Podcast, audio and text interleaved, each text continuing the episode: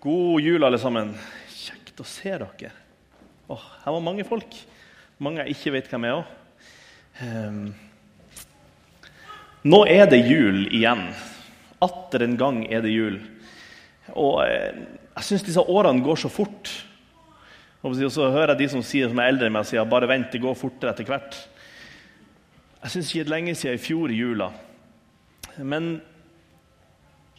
nå er det sånn, nå er vi samla her. Vi er mange som gleder oss. Noen gleder seg kanskje mest til pakkene.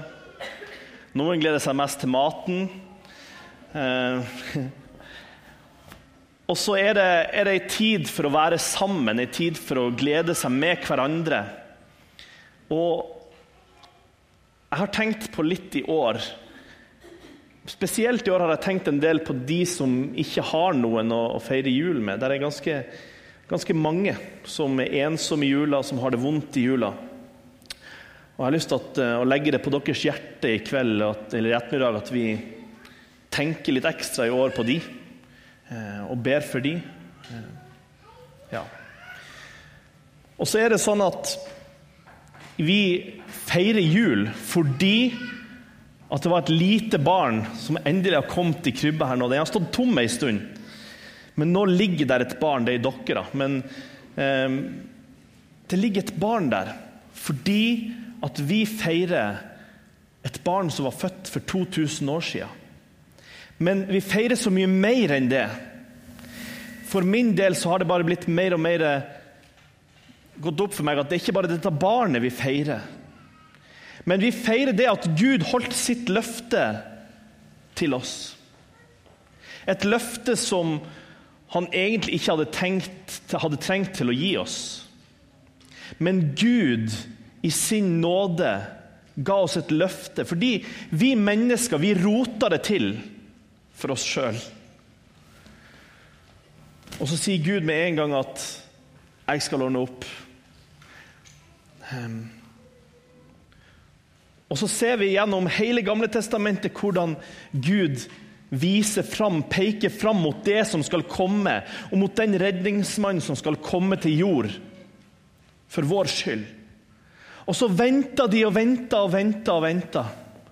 Jeg kan tenke meg det var mange som var lei av å vente. Og En av de flotteste bildene på dette er når Abraham får beskjed. Han har endelig fått en sønn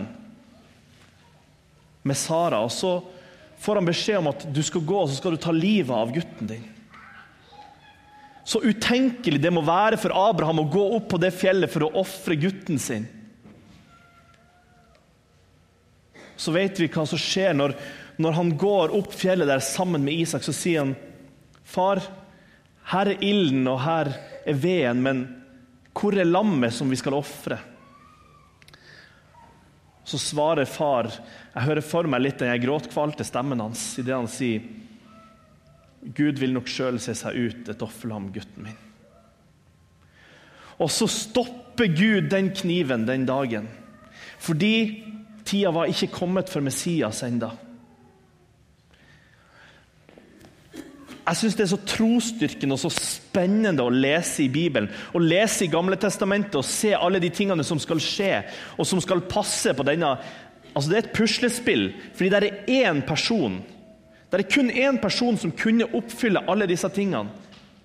Og det var Guds egen sønn.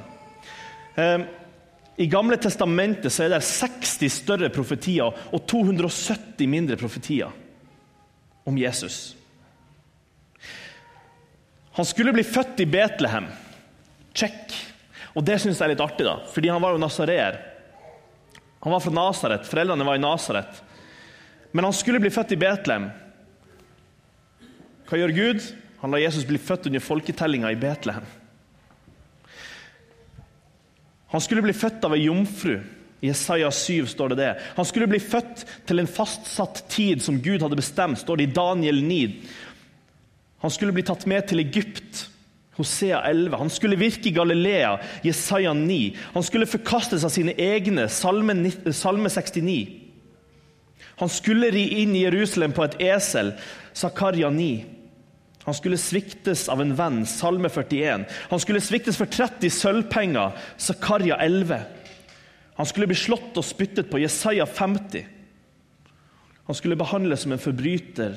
Jesaja 53. Han skulle lide og dø i stedet for andre. Jesaja 53. Hender og føtter skulle gjennombåres. Salme 22. Hans klær skulle kastes lodd om. Salme 22. Han ba for sine fiender. Jesaja 53. Han ropte i gudsforlatthet. Salme 22. Han skulle legges i en rik manns grav. Jesaja 53. Han skulle stå opp fra de døde. Salme 16. Han skulle tas opp til himmelen. Salme 68. Han skulle ta plass ved Guds høyre hånd. Salme 110. Det var 20. Og så kan vi fortsette nesten i det uendelige. På disse tingene som skulle passe på én mann. Og der er bare én mann som har oppfylt dette i verdenshistorien, og hans navn er Jesus Kristus.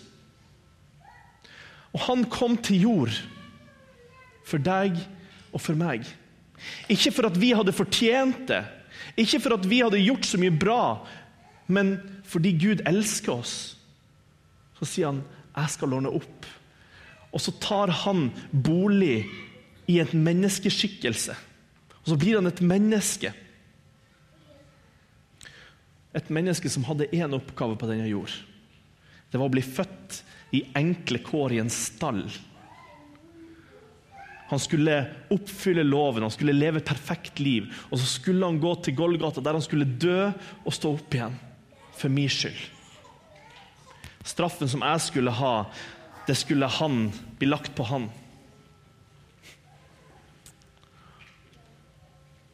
Og så har jeg i løpet av disse julekonsertene så har jeg nevnt dette med at når Jesus blir født i en liten, enkel stall, i fattigslige kår Hvorfor blir Jesus født i en stall?